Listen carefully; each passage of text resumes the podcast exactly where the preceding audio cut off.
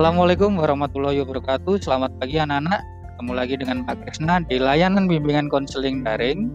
Dan di pagi hari ini Pak Krisna akan mengajak kalian membahas materi tentang bullying atau perundungan. Oke, tunggu ya, bentar ya.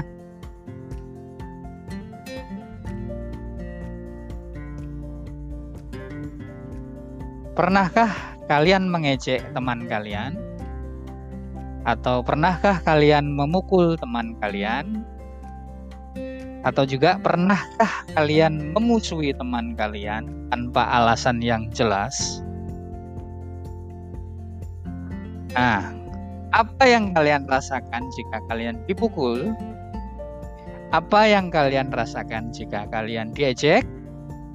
Lalu apa yang kalian rasakan jika kalian dimusuhi? Jika kalian pernah melakukan atau merasakan ejekan, permusuhan, atau pukulan, kalian telah menjadi pelaku atau bahkan menjadi korban bullying. Mari kita kenali bullying atau perundungan kali ini. Tapi sebelumnya Pak Krisna akan jelaskan dulu tujuan dari layanan klasikal online ya. ya. Peserta didik atau konseli dapat memahami tentang bullying atau perundungan dan bagaimana cara mensikapinya. Apa itu bullying? Bullying adalah perilaku agresif dan negatif seseorang atau sekelompok orang secara berulang kali dengan menyalahgunakan ketidakseimbangan kekuatan untuk menyakiti korban secara mental, fisik, maupun seksual Ancaman yang dilakukan sekali saja, tapi jika membuat korbannya merasa ketakutan secara permanen juga merupakan bullying. Bullying adalah tindakan mencelakai atau membahayakan orang lain baik secara fisik seperti memukul atau mendorong, secara verbal seperti mengejek atau secara sosial seperti memusuhi.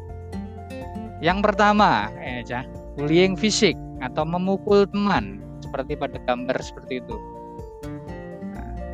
Yang kedua, bullying verbal atau mengejek temannya. Seperti pada gambar itu. Dan yang ketiga, bullying relasional atau memusuhi temannya tanpa alasan yang jelas.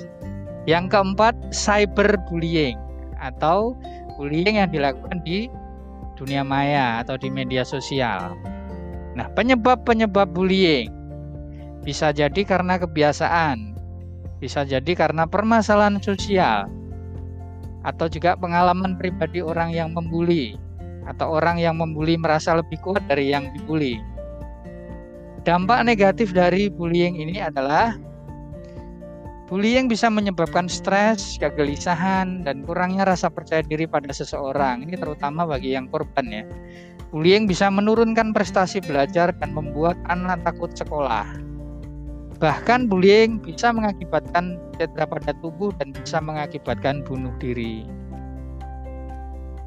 Dampak negatif dari bullying. Bagi pelaku tidak bisa konsentrasi belajar karena pikirannya lebih banyak untuk mengintar dan merencanakan tindakan berikutnya.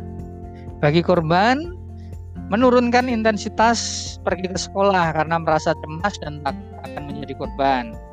Dan bagi saksi, takut akan menjadi korban berikutnya dan merasa bersalah karena tidak dapat melakukan apa-apa.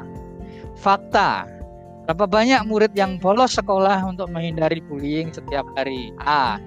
1000 B. 50000 C. 140.000 D. 160.000 160 ribu murid per hari membolos sekolah untuk menghindari bullying. Ini faktanya.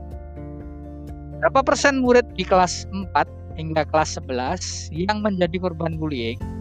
A. 10 persen B. 30 persen C. 70 persen D. 90 persen Jawabannya adalah 90 persen murid. Pertanyaan ketiga, berapa persen murid yang pindah sekolah karena menghindari bullying? A. 10 persen B. 20 persen C. 30 persen D 40%. Hampir 10% murid pindah sekolah hanya untuk menghindari bullying.